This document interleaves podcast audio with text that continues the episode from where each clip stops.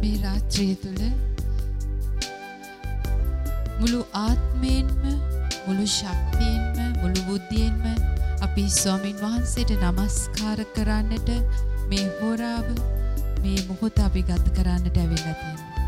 අපි ස්වාමින් වහන්සේට කියමු ඔබ වහන්සේ සදාකාලයෙන් සදාකාලෙට මගේ දෙවියන් වහන්සේ ඔබ වහන්සේට අපි ආදරය කරනවා ස්වාමීනි. ඒ මගේ ආරම්භයේ සිට අවසානය දක්වා අපි ඔබ වහන්සේව අතහරින්නේ නැහැ ස්වාමීනි. ඒ නිසා හැම මොහොතක්ම හැම තප්පරයක්ම ඔබව නමදින්නට අපි පැමිණෙනවා ස්වාමීනි. ඔබ වහන්සේ අපේ එකම ගැලුම් කරුවාණන් නිසා ඔබ වහන්සේ අපේ එකම ස්වාමියාණන් නිසා ඔබ වහන්සේ අපේ එකම ආදරවන්තයා නිසා ස්වාමී. එනිසා අපි සියලු දෙනාම හඬ නගා මේ ගීතිකාවට සහභාගී වෙමු.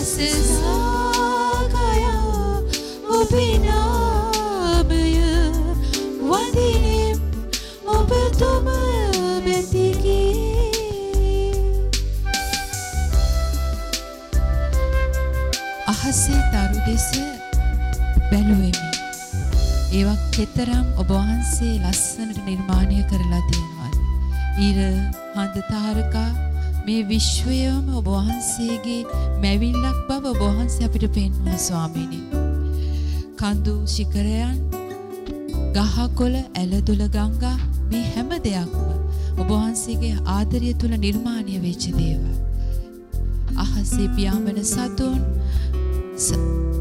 ජීවිතේ අපි අත්දකින බොහෝ දේවල් තුලත් ඔබ වහන්සේ අපේ එකම නිර්මාණකරුවන් බව අපිට පෙන්වනවා ස්වාමීනි.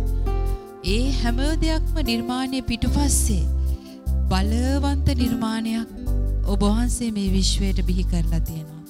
ඒ ඔබ වහන්සේ මාව නිර්මාණය කරලා තියෙනවා. අම්මගේ මව් කුසේ දුවෙක් හැටියට පුතෙක් හැටියට මේ විශ්වයේම බලා ගන්නට විශ්වයේ අයිතිකාරයෙක් වෙන්නට ඔබ වහන්සේ අපිව නිර්මාණය කරලා තියෙනවා. සියලු දේටම වඩා ඔබ වහන්සේ අපට ආදරේ බව පෙන්වනවා ස්වාමීනි. එබැවින් අපි ඔබ වහන්සේට ප්‍රශංසාත්මකව මෙසේ নমස්කාර කරමු. අපි සියලු දෙනාම දැනගසමු. අහසේ දරු දෙස බැලුවෙමි මා කිතරම් පුදුමද ඒවා.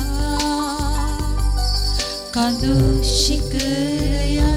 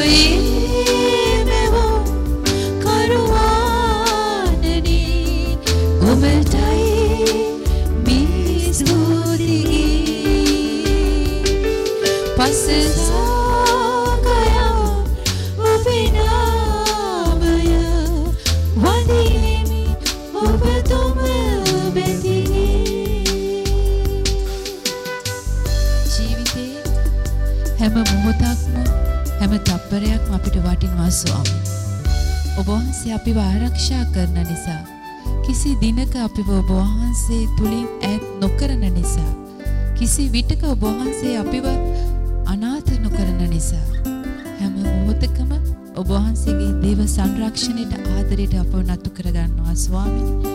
එබැවින් මගේ මුළු හදවතින් මුළු ආත්මයෙන් මුළු බුද්ධයෙන්ම ස්තුති කරනවා ස්වාමීනි. අප සිරුදන නැගිට සිටිමු.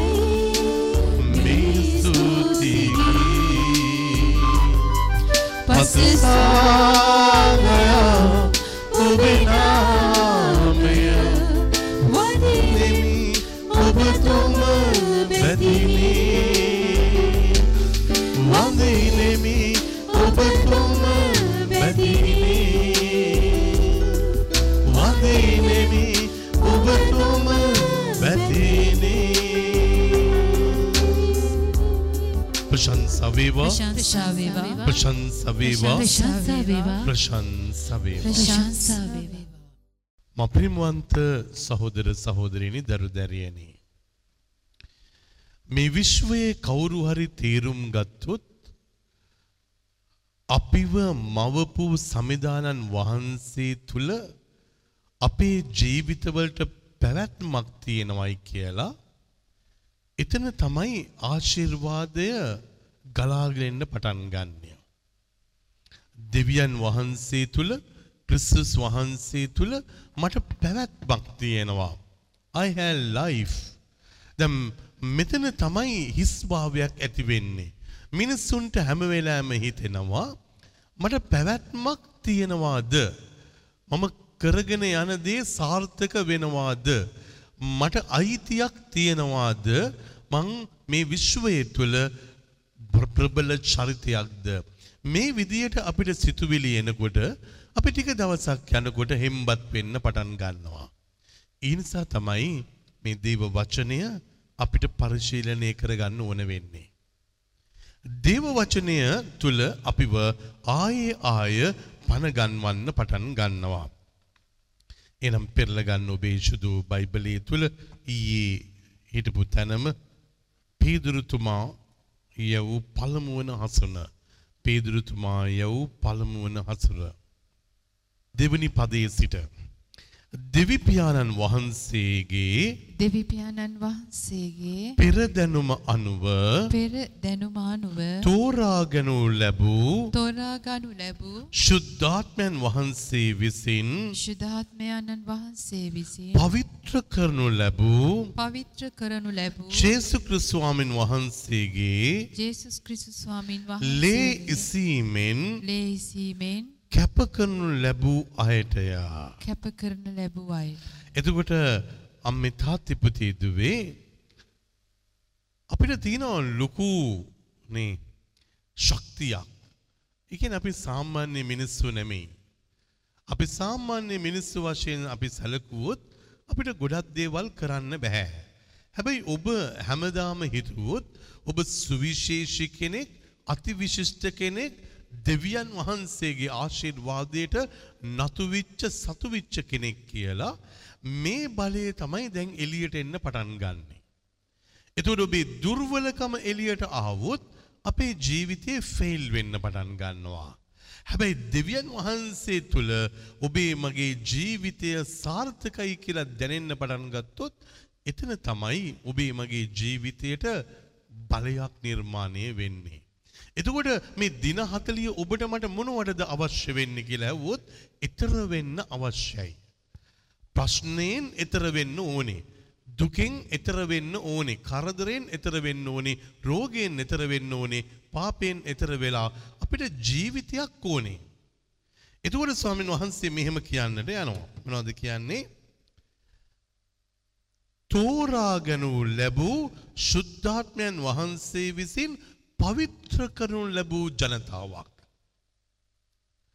එතකොට අපි ක්‍රිස්තියානි කරනකොට ළමයින්ව මේ ශුද්ධ වූ තෛලය අරගෙන අපි ආලේප කරලා නේ හැම දරුවෙකුටම අපි ආශිර්වාද කරද්දී දැනෙන්න පටන් ගන්නවා නේ ඒ අම්මට තාත්තට ඒ දරුවව ආයෙත් දෙන්නේ අර පරණ දරුවව නම් නෙමෙයි. මම ගොඩක් වෙලාවට ළමයින් ක්‍රිස්තියානි කරද්දී ඉස්සර මීසම ඉන්න කාලේ මම ඒ දරුවව වඩා ගන්නවා. ඒ ෆොටෝ එකක් ගන්න නිසා නෙමෙයි. මට හැමදාම මතක් වෙනවා ක්‍රිස්තුස් වහන්සේව සීමුන්තුමාට ගෙනල්ලා බාර දුන්නා අටවෙනි දවසේදී කැප කරන්න. එතකොට දැන් මේ දරුවව අතට අරගත්තට පස්සේ තුල්ලු කරගත්තට පස්සේ ඒක ඇතුලේ ඇතිවෙන ඒ සතුට ඒක ඇතුලේ ඇතිවෙන බලය ඒක ඇතුලේ ඇතිවෙන ආදරය පුදුමාකාරයි. මම මං විශ්වාස කරන ඕගොල්ලෝ මඤ්ඤල පඤ්ඤලට ගිහිල්ලා ඇති කියලා. නේ? එතකොට ඔබට අවස්ථාවක් හම්බ වෙලා ඇති මේ ක්‍රිස්තියානි කරපු ගමම්ම තුරුළු කරගන්න. ඔබ ඕනනම් අත්දැකලා බලන්න ළමයෙක්ව ක්‍රිස්තියානි කරලා ඉවර වුණ ගමම්ම තුල්ලු කරගෙන බලන්න මොන තරම් එනර්ජි එකක් මොන තරම් ශක්තියක් මොන තරම් බලයක් ඔබට එනවද කියලා. ඒ වගේම ඔබෙන් ගලාගෙනත් යනවා. එනිසා ඒ දරුවව තුල්ලු කරගෙන ඉඳලා ආයෙත් ඒ අම්මට තාත්තට දෙන්නේ ලොකු ආදරයකින් යුතුව. ශුද්ධාත්මයන් වහන්සේගෙන් පිරිච්ච මොහොතක් අන්ධකාරයේ පහවෙලා ගිය මොහොතක් වරප්‍රසාදයෙන් පිරුණු මොහොතක්. ඉතින් ඒ නිසා මට අද වගේ මතකයි එක්තරා දවසක නේ මම මහවීදියේ ඉන්න කාලයේදී කුරුස පල්ලිය හදන්න විසුන් වහන්සේ මට කිව්වා කුරුස පල්ලිය හදන්න කියලා. එතකොට කුරුස පල්ලිය හදන්න කියලා කියපුවාම ඉතින් මං ප්ලෑන් ඇඳගෙන ඔක්කොම කරගෙන උන්වහන්සේ ගාවට නික්ලස් මාර්කස් බිසුන් වහන්සේ ගාවට ගියා. උන්වහන්සේ සල්ලි දෙනි කියලා. මම පොඩි ස්වාමි කෙනෙක්නේ.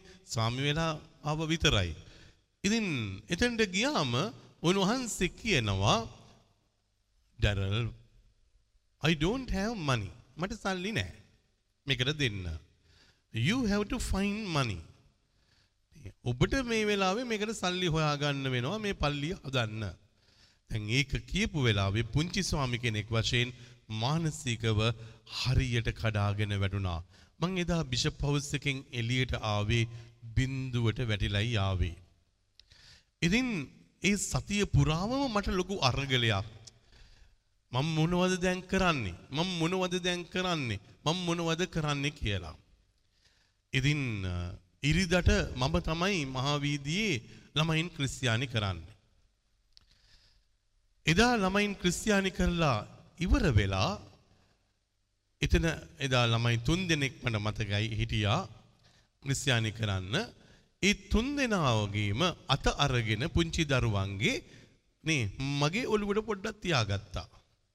ක්‍රිස්තියානි කරලා ඉවර වෙලා ඒ පුංචි දරුවන්ගේ අත තියාගත්ත චුට්ටක්.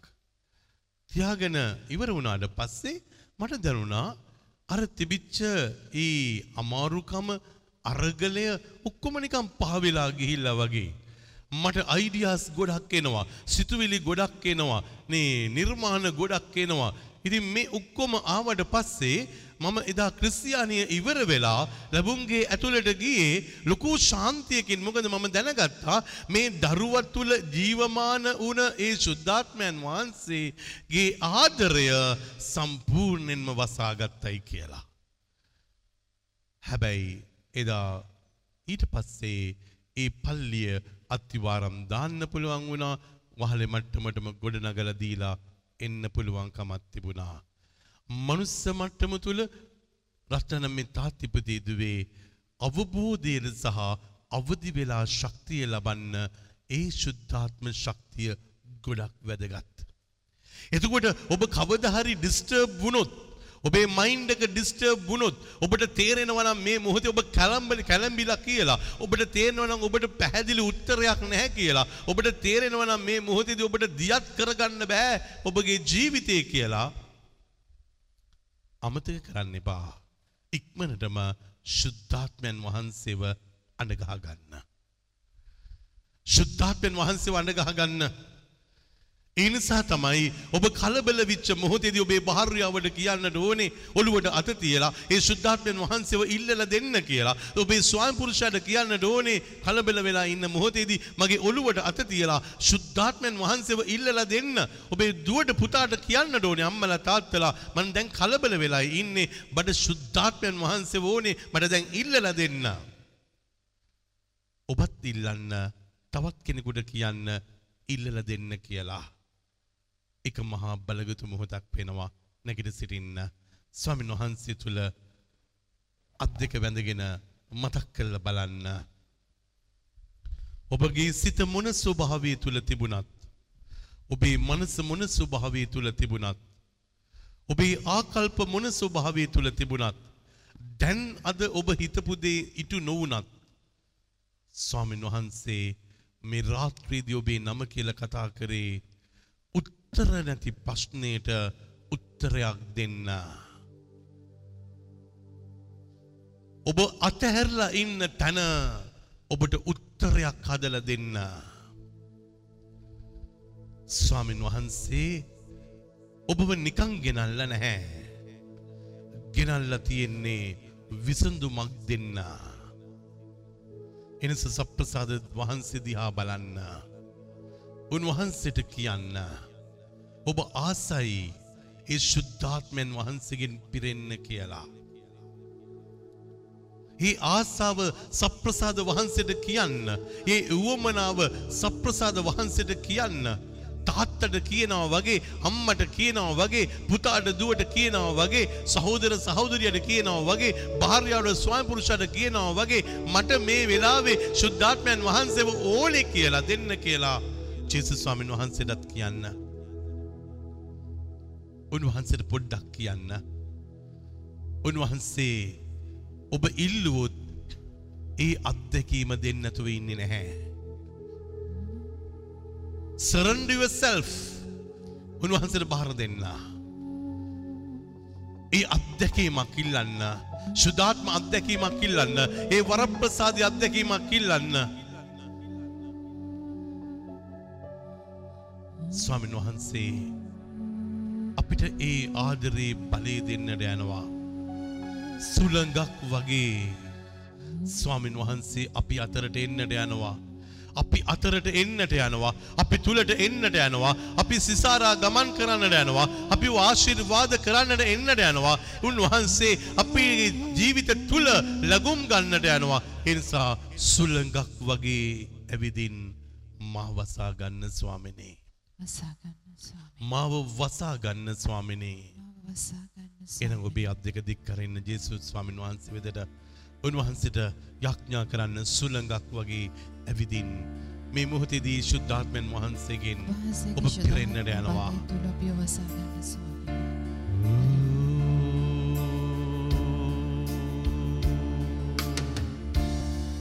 සුළඟක් වගේ ඇවිදින් මාවසාගන්න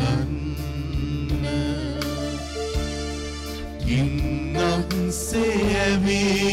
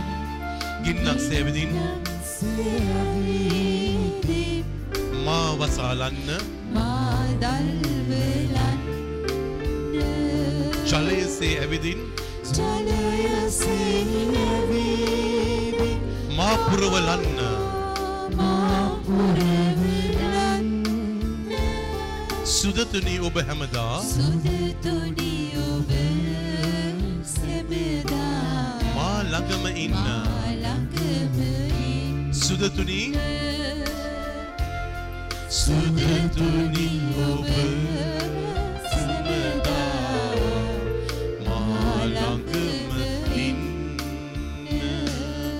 දැන් ඔබේ අවශ්‍යතාවේ ස්වාමීන් වහන්සේට කියන්න ඇයි ඔබට ශුද්ධාත්මයන් වහන්සේව දැන් ඕනේ Why do you need the power of the Holy Spirit? ඇයි ඔබට ඕනේ? ස්වාමීන් වහන්සේට බය නැතුව කියන්න. මේ මේ කාරණාවන් විසඳ ගන්න මට මේ රාත්‍රියේදී ඒ අත්දැකීමක් දෙන්න. මා උදෑසනදී ජීවත් වෙන ආකාරයට රෑ යාමේදී නින්දට යන මොහොතේදී මගේ මරු කතරේදී ඔබ වහන්සේ මාත් එක්ක ඉන්න ස්වාමිනේ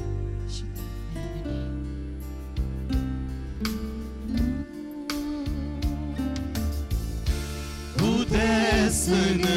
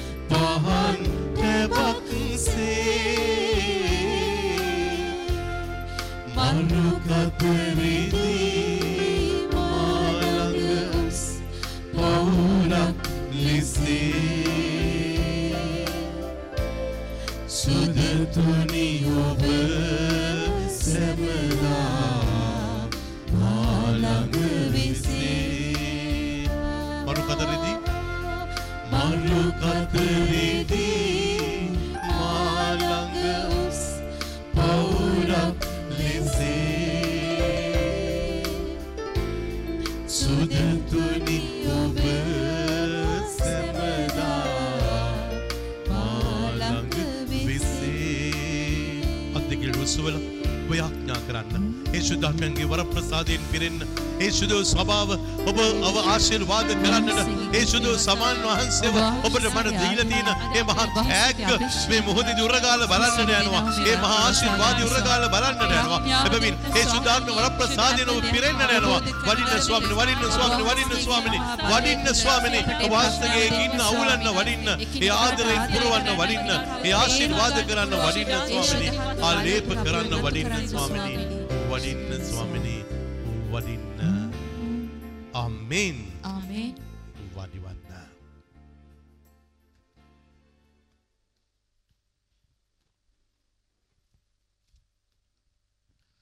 එතකොට ඊළඟ වචනේ ලස්සන දෙයක් කියනවා. මොනවද කියන්නේ? ක්‍රිස්තුස් වහන්සේගේ ක්‍රිස්තුස් වහන්සේගේ ලේ ඉසීමෙන් ලේ ඉසීමෙන් කැප කරනු ලැබූ අයටය කැප කරනු ලැබූ අයට එතකොට රටනම් මේ තාත්ති පුතේදුවේ නේ ක්‍රිස්තුස් වහන්සේගේ රුධීරය කියන එක හැමදාම ගලාගෙන එනවා.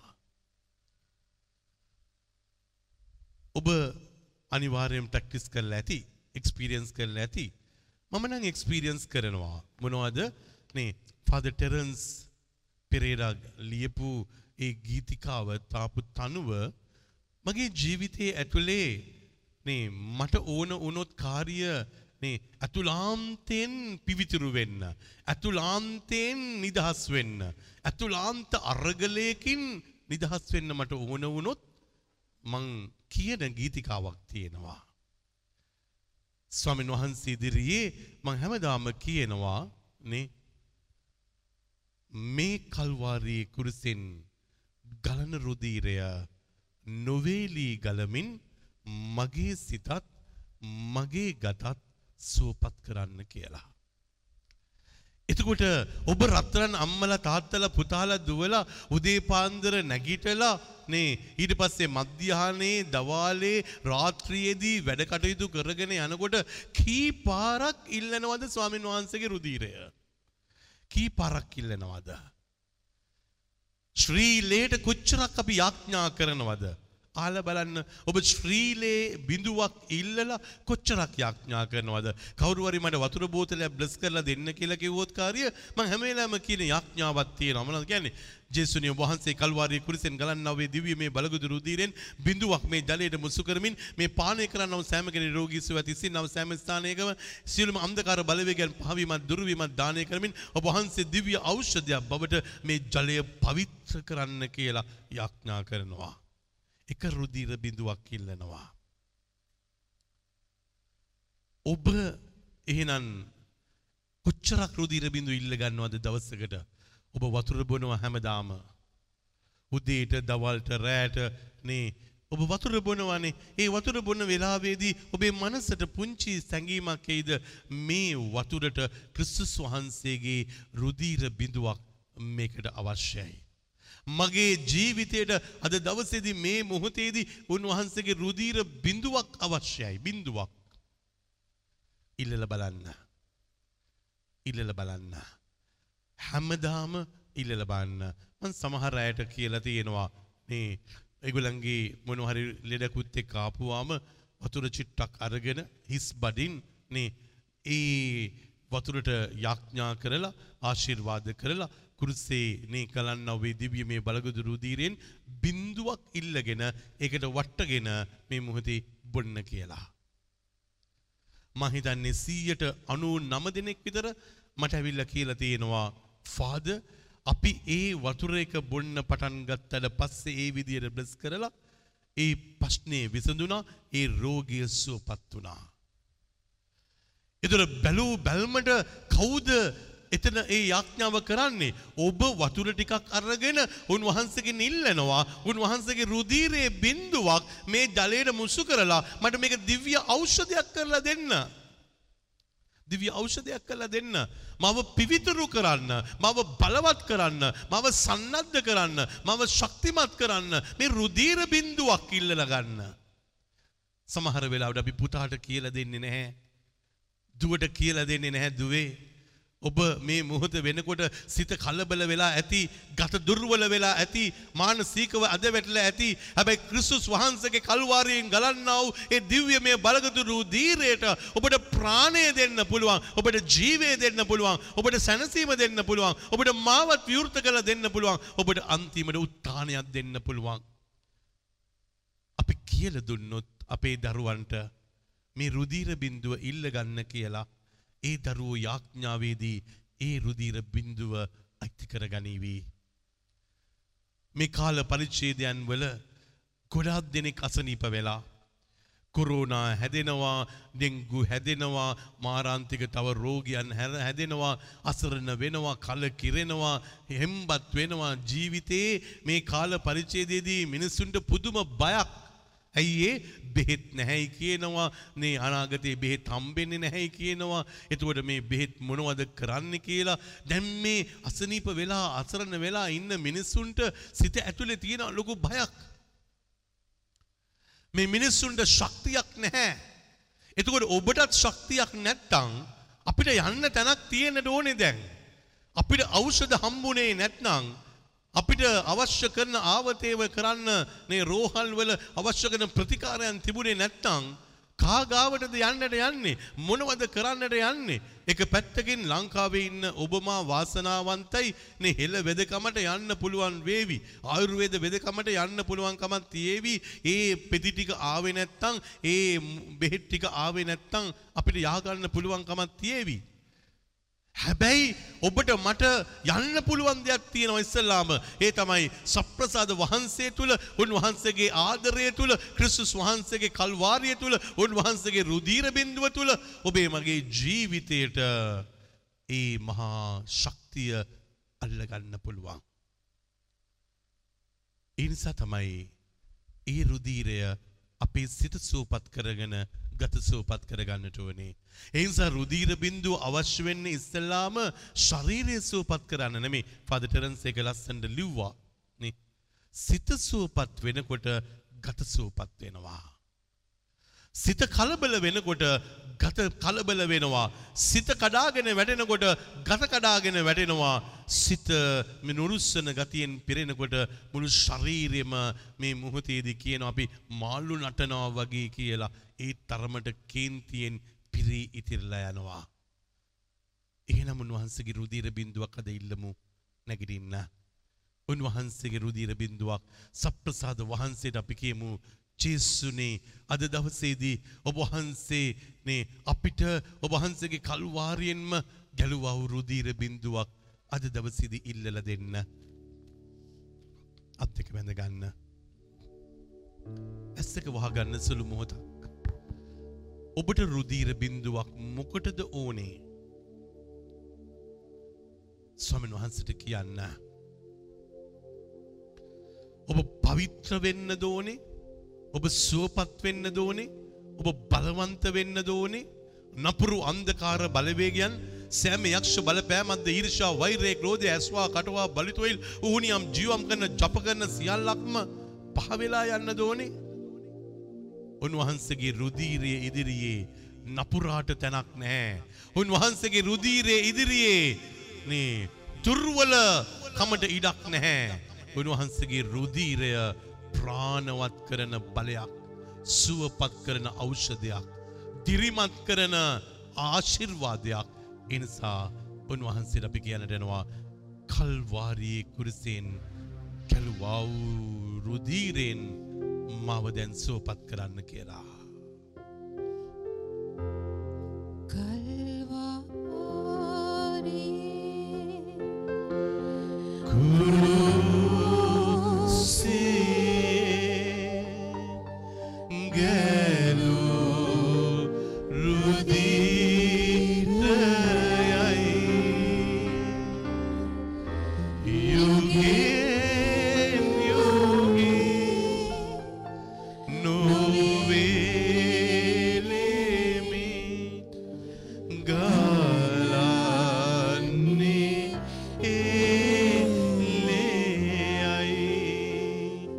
මගේ සිතේ මගේ සිතේ.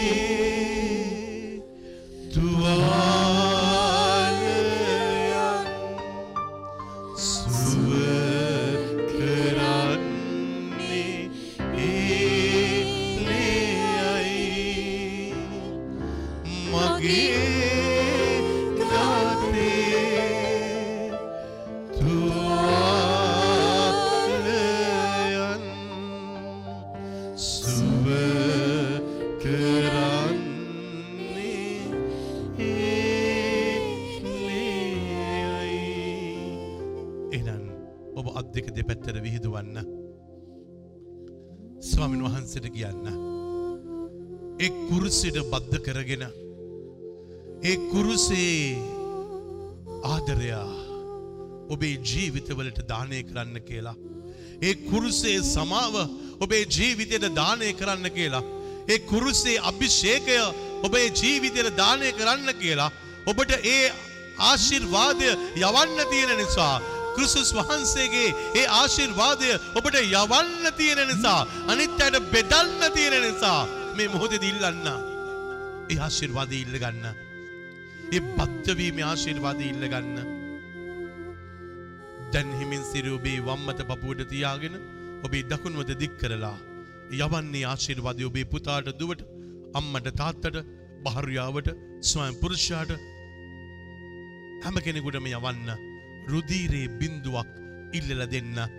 ඔවුන්ගේ ජීවිතවලට ඉල්ලලා දෙන්න ඔවුන්ගේ රෝගය සුව කරන්න කියලා කියන්න ඔවුන්ගේ මානසික චිත්ත පීඩනයෙන් ඔවුන්ව නිදහස් කරන්න කියලා කියන්න ඔවුන් සිටින්නා වූ ඒ වේදනාත්මක මතකයන් වලින් ඔවුන්ව නිදහස් කරන්න කියලා කියන්න. ඒ ස්වාමින් වහන්සේට මේ මොහොතේදී පුළුවන්. ඔබ වෙනුවෙන් කරන්නට පුළුවන්. ඔබ වෙනුවෙන් ඒ රුධීරය උන්වහන්සේ ගලාගෙන සලස්සන්නේ ඔවුන්ගේ ජීවිතවලට ඔවුන්ගේ ජීවිත ඇතුළට ගලාගෙන ගිහිල්ලා ඔවුන්ගේ සිතත් ඔවුන්ගේ ගතත් මේ මොහොතේදී සුවපත් කරන්නට යනවා. ඒ ආශිර්වාදය. ඔබ බුක්ති විඳලා ඔබේ අතත් පපුවට තියාගන්න. අත් දෙකම පපුවට තියාගෙන ඔබේ හදවත හෘදය සින් සාන්ත දාන්තූද චේසුනේ මගේ හෘදය ඔබ වහන්සේ ස්පර්ශ කරන්න කියලා කියමු සාන්ත දාන්ත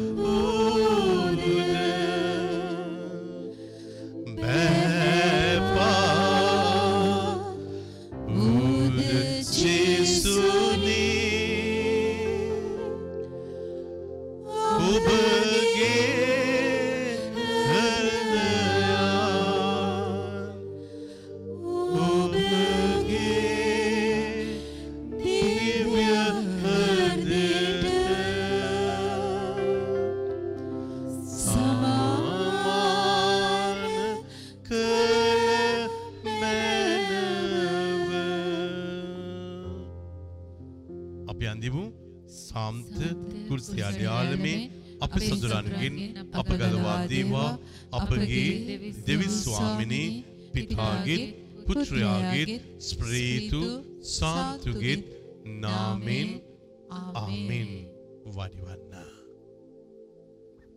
ඒ අත්දැකීමට යනකොට ස්වාමින් වහන්සේ මෙහෙම කරන්නට යනවා.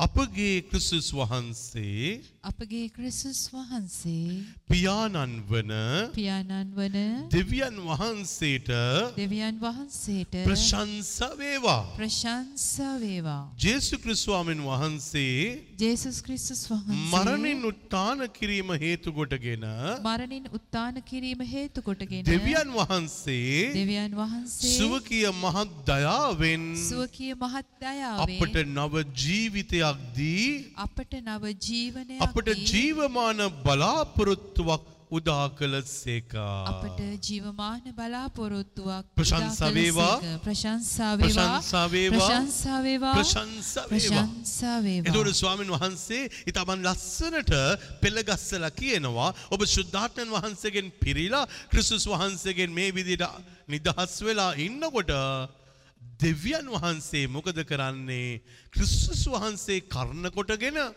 ඔබේ මගේ ජීවිතයට අලුත් යුගයක් අලුත් උත්තානයක් උන්වහන්සේ බලාපොරොත්තු සාක්ෂාත් වෙන්න උදා කරලා දෙනවා. එනිස රතන මේ තාත්්‍යපුතේ ඉදුවේ සමහර අය ආනවා මගෙන් චතාරික කාලයේදී වන්දනාවට එන්න ඕනද. යාඥාවට එන්න ඕනද. ඒක මොනවද අපේ ජීවිතවලට කරන්නට යන්නේ. ඔබේ ජීවිතවලට ඔබ නොදන්නා මොහොතක ඔබ පිරිසිදු කරලා බලවත් කරලා උත්තාන කරලා ඔබගේ දවසට තියෙන බලාපොරොත්තුව ඇත්තක් කරනවාමයි. උදේ ඉඳලා හැන්දෑව වෙනකම් මිනිස්සුන්ට එක්ක අපි ගනුදෙනු කරනකොට තියෙන බලාපොරොත්තු සුන් වෙනවා. ඇයි ඒ? ඒගොල්ලෝ හැම වෙලාවෙම කියාවි ඩීසල් නෑනේ, පෙට්‍රල් නෑනේ, පාන් ගණන්නේ, නේ අරක නෑනේ, මේක නෑනේ. ගොඩක් දේවල් දැන් නෑ කියන තමයි අපිට දැන් ඇහෙන්නේ. ඒ නිසා දැන් ඔබ මොනවා හරි කරන්න ඕනේ කියලා හිතනකොටම නෑනේ කොහොමද මේ කාලේ කරන්නේ? කොහොමද මේ කාලේ මේවා ඇත්තක් කරගන්නේ? ඒ නිසා මිනිස්සුන්ගේ උදේ ඉඳලා හැන්දෑ වෙනකම්ම තියෙන පුංචි පුංචි බලාපොරොත්තු ඔක්කොම පොඩ පොඩ කාබාසීන වෙලා යනවා. බලාපොරොත්තුවක් නැති තරමට වෙනවා. එතකොට මේ දින 40 ඇතුලේ ඔබගේ මගේ ජීවිතයේ මේ බලාපොරොත්තුව ඇති කරගන්න ඕනේ නැද්ද? එතුළ මේ දින හතලියක් ඔබ සප්‍රසාද වහන්සේ ඉදිරියේ මේ විදියට ඉන්නකොට උදේට ඇවිල්ල දිව්‍ය පූජාවේදී සප්‍රසාද වහන්සේ ලබනවා. හැන්දෑවට එනවා වන්දනා කරනවා. එතකොට ස්වාමින් වහන්සේ ඔබේ ජීවිතයේ ඇතුළේ මොනවද නොකරන්නට යන්නේ. මිනිස්සු වශයෙන් අපිට හිතෙන්නට පුළුවන් මේ කාල පරිච්ඡේදයේ අපේ කාලයේ නාස්ති කිරීමක්ද නැහැ. මේක කාලේ නාස්ති කිරීමක් නෙමෙයි. මේක පුදුමාකාර වරප්‍රසාදයක්. ඒ නිසා ඔබ පැයක් ගත කරાવી. ඔබ එන්න පැය කීපයක් ගත කරાવી. හැබැයි ඔබේ මුළු ජීවිතේටම අවශ්‍ය කරන පන්නරේ තමයි ස්වාමින් වහන්සේ දෙන්නේ. ඒ නිසායි උන්වහන්සේ මොනවද කරන්නට යන්නේ? ජීවනයක් දෙන්නට යනවා. එනිසා ස්වාමීන් වහන්සේ පැහැදිලිවම කියනවා දෙවියන් වහන්සේ අපට නව ජීවිතයක් දී. එතකොට මේ අපේ ජීවිතවල තියෙන පරාජිත හැඟීම් ඔක්කොම කවුද ගන්නෙ? ඔබ ඔබ කියන්න ඔබට කවුරු හරි ඉන්නවද පරාජිත හැඟීම් ගන්න? ඔබේ ස්වාමි පුරුෂයාට භාර්යාවට අම්මා තාත්තට දරු දූ දරුවන්ට පුළුවන් ද පරාජිත හැඟීමක් අරගෙන ඔවුන්ගේ ජීවිතයට දාගන්න කවුරුත් කැමති නැහැ. පරාජිත හැඟීමක් අරගෙන තමාට අයිති කරගන්න කැමති නැහැ. හැබැයි පරාජිත හැඟීම අරගන්න කැමති කෙනෙක් ඉන්නවා ඒ ක්‍රිස්තුස් වහන්සේ. ඔබේ පරාජිත මොහොත ගන්න කැමති. ඔබගේ අතහැරිච්ච දේවල් ගන්න කැමති. ඔබට බැරිවිච්ච දේ ගන්න කැමති. ඔබේ පිදුණු හදවත ගන්න කැමති. ඔබේ දුර්වලකම ගන්න කැමති.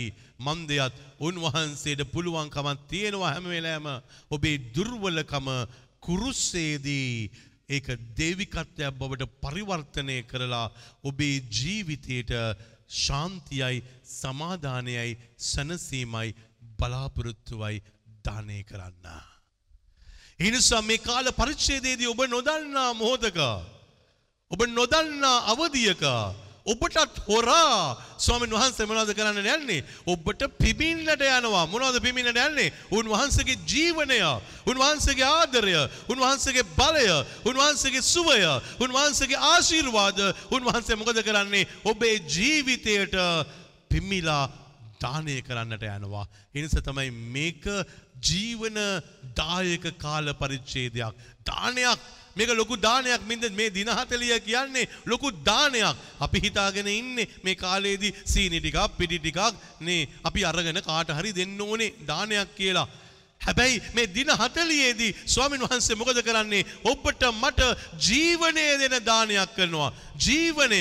ඒ නිසා අපි සප්‍රසාද වහන්සේට කියන්නේ ජීවන දායක භෝජනයයි. ජීවනයක් දානය කරන භෝජනයක්. ජීවනය ලබා දෙන ශක්තියක්. ඒ නිසා රටන මේ තාතිපුතේ දුවේ ස්වාමින් වහන්සේ තුල ප්‍රශංසාවෙන් තමයි ඒක අයිති වෙන්නේ. එනිසා මේක ඉස්සෙල්ලාම කියන්නේ මොනවද? අප ක්‍රිස්තුස් ස්වාමීන් වහන්සේගේ පියාණන් වහන්සේට ප්‍රශංසා වේවා. මනුෂ්‍යයන් වශයෙන් ක්‍රිස්තුස් වහන්සේගේ රුධීරයට ශුද්ධාත්ම අභිෂේකයට උරුමකම් කියන ඔබට මට ස්වාමීන් වහන්සේ මෙහෙවන්නේ දෙවියන් වහන්සේට ප්‍රශංසා කරන්න පටන් ගන්නා. දෙවියන් වහන්සේට ප්‍රශංසා කරනකොට ජීවනයේ ලැබෙන්න පටන් ගන්නවා. සහනය ලැබෙන්න පටන් ගන්නවා. බලාපොරොත්තු ඉෂ්ට වෙන්න පටන් ගන්නවා. ඒ නිසා අද ඉඳලා ඔබේ බලාපොරොත්තුව මතක් කරගෙන ප්‍රශංසා කරන්න. නේ මට මේ කාල පරිච්ඡේදයේදී අහවල් දේ කරන්න ඕනේ. දෙවියන් වහන්සේට ප්‍රශංසා වේවා, ස්තුති වේවා, හල්ලෙලූයයි මේ දවස්වල කියන්නේ නැහැ. ඒ නිසා ප්‍රශංසා වේවා, ස්තුති වේවායි කියලා ඔබ කෑ ගහලා নমස්කාර කරන්න. ස්තුතියක් කරන්න. ස්තුතිය කරනකොට මොකද වෙන්නේ? උන්වහන්සේ ජීවනයක් දීලා බලාපොරොත්තුව ඉෂ්ට කරලා දෙනවාමයි. ප්‍රශංසා වේවා. ප්‍රශංසා වේවා. ප්‍රශංසා වේවා එන අපි වේවා. දෙනා නැගිටිමු. ස්වාමීන් වහන්සේට කියන්නට යනවා. තාත්තේ ඔබ වහන්සේට අපිට ප්‍රශංසා කරන්නට ඕනේ. අපිට ස්තුති කරන්නට ඕනේ. ඔබ නම දින්නට ඕනේ. ඒ නිසා දෙවියන් වහන්සේ ජීවමානයි. උන්වහන්සේගේ ආදරේ ජීවමානයි. උන්වහන්සේගේ වචනේ ජීවමානයි. උන්වහන්සේගේ ප්‍රේමයේ ජීවමානයි. උන්වහන්සේගේ ස්පර්ශයේ ජීවමානයි. ඒ නිසා අත් දෙක බැඳගෙන මතක් කරලා බලන්න ඔබට ඕනද දෙවියන් වහන්සේට ස්තුතියි කියලා කියන්න. Do you want to praise God? Do you want to praise God? ඔබට අවශ්‍යයිද මේ මොහොතේදී? ඔබට ලැබුණු වරප්‍රසාද වලට, ඔබට ලැබුණු දීමනාවන් වලට, ඔබට දුන්න ජීවන හුස්මට, ඔබට දුන්න ටැලන්ට්වට, ඔබට දුන්න අධ්‍යාපනයට, ඔබට දුන්න අධ්‍යාත්මයට ඔබට ස්තුතියි කියලා කියන්නට ඕනද ස්වාමීන් වහන්සේට? ඒ නිසා ස්වාමීන් වහන්සේට අපි ස්තුතියි කියලා කියන්න යනවා. අපේ දෑත් තිරරොස් වල අපි ප්‍රශංසා කරමු වහන්සේට ස්තුති කරමු ස්වාමිනේ. සුදු ස්වාමීන් වහන්සේට ස්තුති වේවා ස්වාමිනේ. ප්‍රශංසා වේවා ස්වාමිනේ. ප්‍රශංසා වේවා ස්වාමිනේ. ඔබ නම දින්නට ස්තුති කරන්නට අපිට දෙන අවස්ථාවෙන් වහන්සේට ප්‍රශංසා කරනවා ස්වාමිනේ. ඒ සියලුම ගෞරවයත් මහිමයත් සදාහරම වහන්සේට මෛත්‍රී කරලා දෙනවා ස්වාමිනේ. ඔබ වහන්සේගේ දේව ආශිර්වාදය තුළ ඒ ප්‍රශංසාව ඔබ වහන්සේට අයිති කරලා දෙන නිසා ඔබ වහන්සේගේ ආදරය තුළ නතු වෙන නිසා ඔබ වහන්සේගේ ආදරය තුළ සතු වෙන නිසා ඒ ප්‍රශංසාව අපිට ජීවනයක් දෙන්නට යනවා. ඒ ස්තුතියි ස්වාමිනේ. ස්තුතියි ස්වාමිනේ. ප්‍රශංසා වේවා ස්වාමිනේ. ප්‍රශංසා වේවා ස්වාමිනේ. ප්‍රශංසා වේවා ස්වාමිනේ. ස්තුති ස්වාමිනේ. ස්තුති ස්වාමිනේ. ප්‍රශංසා වේවා ස්වාමිනේ. ප්‍රශංසා වේවා ස්වාමිනේ. ප්‍රශංසා වේවා ස්වාමිනේ. ස්තුති වේවා ස්වාමිනේ. ස්තුති වේවා ස්වාමිනේ.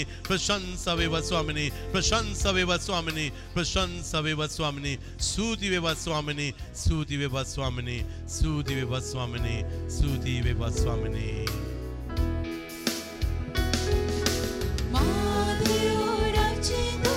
ඔබේ ගුණ ගායන ඔබේ නම පසසමි වදිමි සදා ප්‍රශංසා වේවා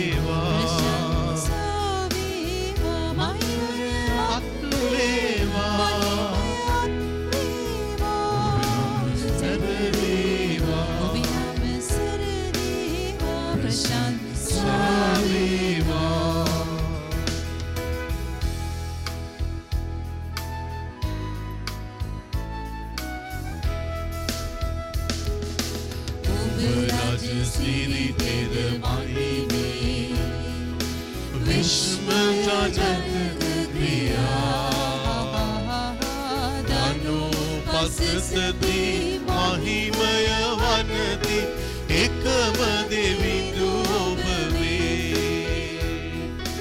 එකම දෙවිඳු ඔබ වේ. මාරෙව් රචිදුනි ඔබ ගුණ ගයවෙමි ඔබ නම පසසමි වන්දිමි සදා. ප්‍රශංසා